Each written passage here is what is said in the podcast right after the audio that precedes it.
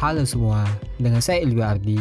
Kali ini kita akan membahas pertanyaan, bagaimana sih meredam kegaduhan dalam berdemokrasi di Indonesia? Disimak terus ya kawan.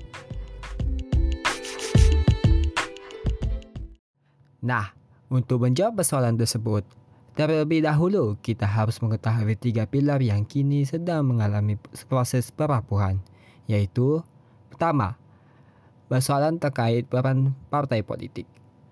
Partai politik merupakan salah satu kekuatan yang dibutuhkan untuk menjaga demokrasi.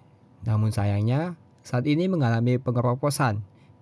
Jadi diibaratkan sebagai sebuah kayu yang sedang dimakan oleh rayap dan nantinya akan lapuk, lalu keropos hingga akhirnya patah dan hancur seiring waktu. Organisasi penghimpunan kekuasaan ini masih mengalami masalah terkait federalisme atau oligarki dan akhirnya tidak bisa berkembang. Ini dikarenakan partai politik sedang dirusak oleh para politikus yang terkena kasus korupsi kekuasaan demi biaya politik dan mempergaya diri. Akibatnya, perlu direformasi serta diperkuat untuk menumbuhkan derajat legitimasi dan kepercayaan dari masyarakat lagi. Kemudian untuk pilar kedua, berkaitan dengan kebebasan sipil. Salah satu ukur suatu demokrasi berfungsi atau tidaknya, yaitu tersedianya tempat bagi masyarakat atau warga negara dalam menyampaikan pendapat dan pemikiran, mengorganisir diri, serta bertukar ataupun mengakses informasi yang diperlukan. Jika masyarakat dapat terus berkembang dan kuat, maka nantinya mampu mengimbangi negara dengan elemen-elemen masyarakat melek politik. Namun, perwujudan kebebasan masyarakat ini terus diganggu. Berbagai ancaman terus bermunculan yang berasal dari dua kubu politik negara di dunia ini.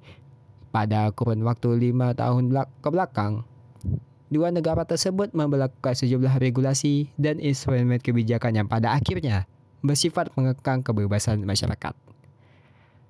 Sementara itu, di kubu negara bermasyarakat tersebut, beberapa waktu yang lalu sedang terjadi fenomena dominasi baru dari kelompok kuat yang ada di golongan minoritas.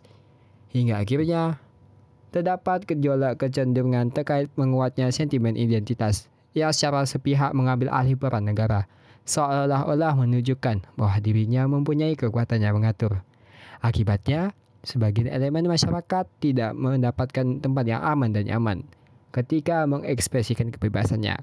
Misalnya, ketika terjadi pemburuan diskusi yang berakhir ricuh dengan komplot militer, penyerangan tempat ibadah, pertikaian sengketa antar suku, ataupun berbagai macam bentuk konflik identitas yang terjadi dalam waktu bersamaan.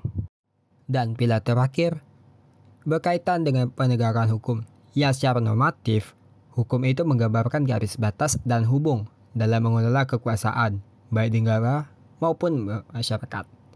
Dengan hukum, kekuasaan demokrasi dapat dinyatakan absah karena hukum dipercaya sebagai salah satu alat untuk mengatasi sengketa dalam mencapai keadilan.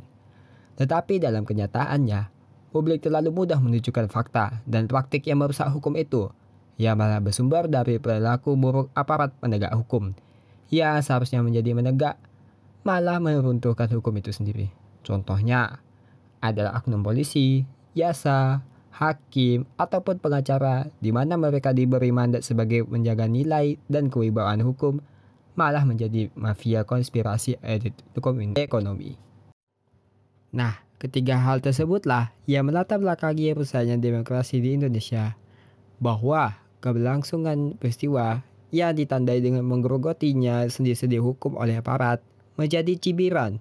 Kalau mempercayai hukum itu sama saja mendukung kepalsuan dan aparat penegak hukum dicap sebagai pengkhianat rakyat.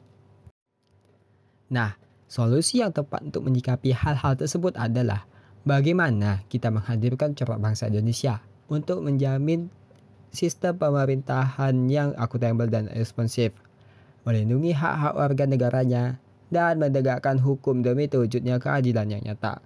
Sehingga tantangan terbesar dalam mencegah bobroknya demokrasi itu sendiri bagaimana caranya kita memperbaiki dan memperkuat ketiga pilar tersebut sesuai prinsip demokrasi yang sebenarnya, disertai dengan dasar cita-cita bangsa. Di sisi lain, kita juga harus senantiasa mengingatkan dan mengontrol partai politik ini untuk segera berbenah. Mereformasi kembali organisasi ini agar kembali ke jalan yang benar. Besarnya otoritas politik yang dipikulnya dalam menjalankan kewenangan tersebut tentu harus diiringi dengan komitmen membangun etika berpolitik, menciptakan pemimpin yang ideal, serta keterampilan mengolah aspirasi rakyat menjadi kebijakan adalah keharusan.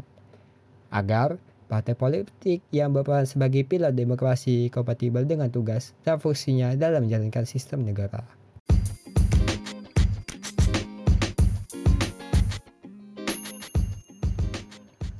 Selain itu, untuk mengimbangi partai politik tersebut, perlu juga adanya upaya pendidikan berpolitik, pencerahan, dan pengorganisasian rakyat sebagai entitas politik non-parlemen.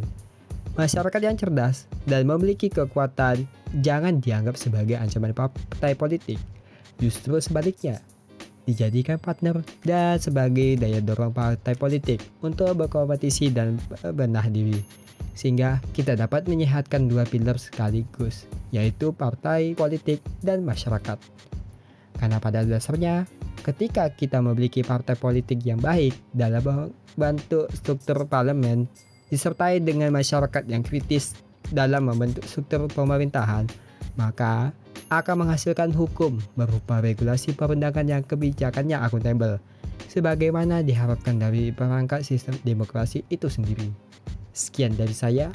Keep healthy and stay chilling. Bye bye.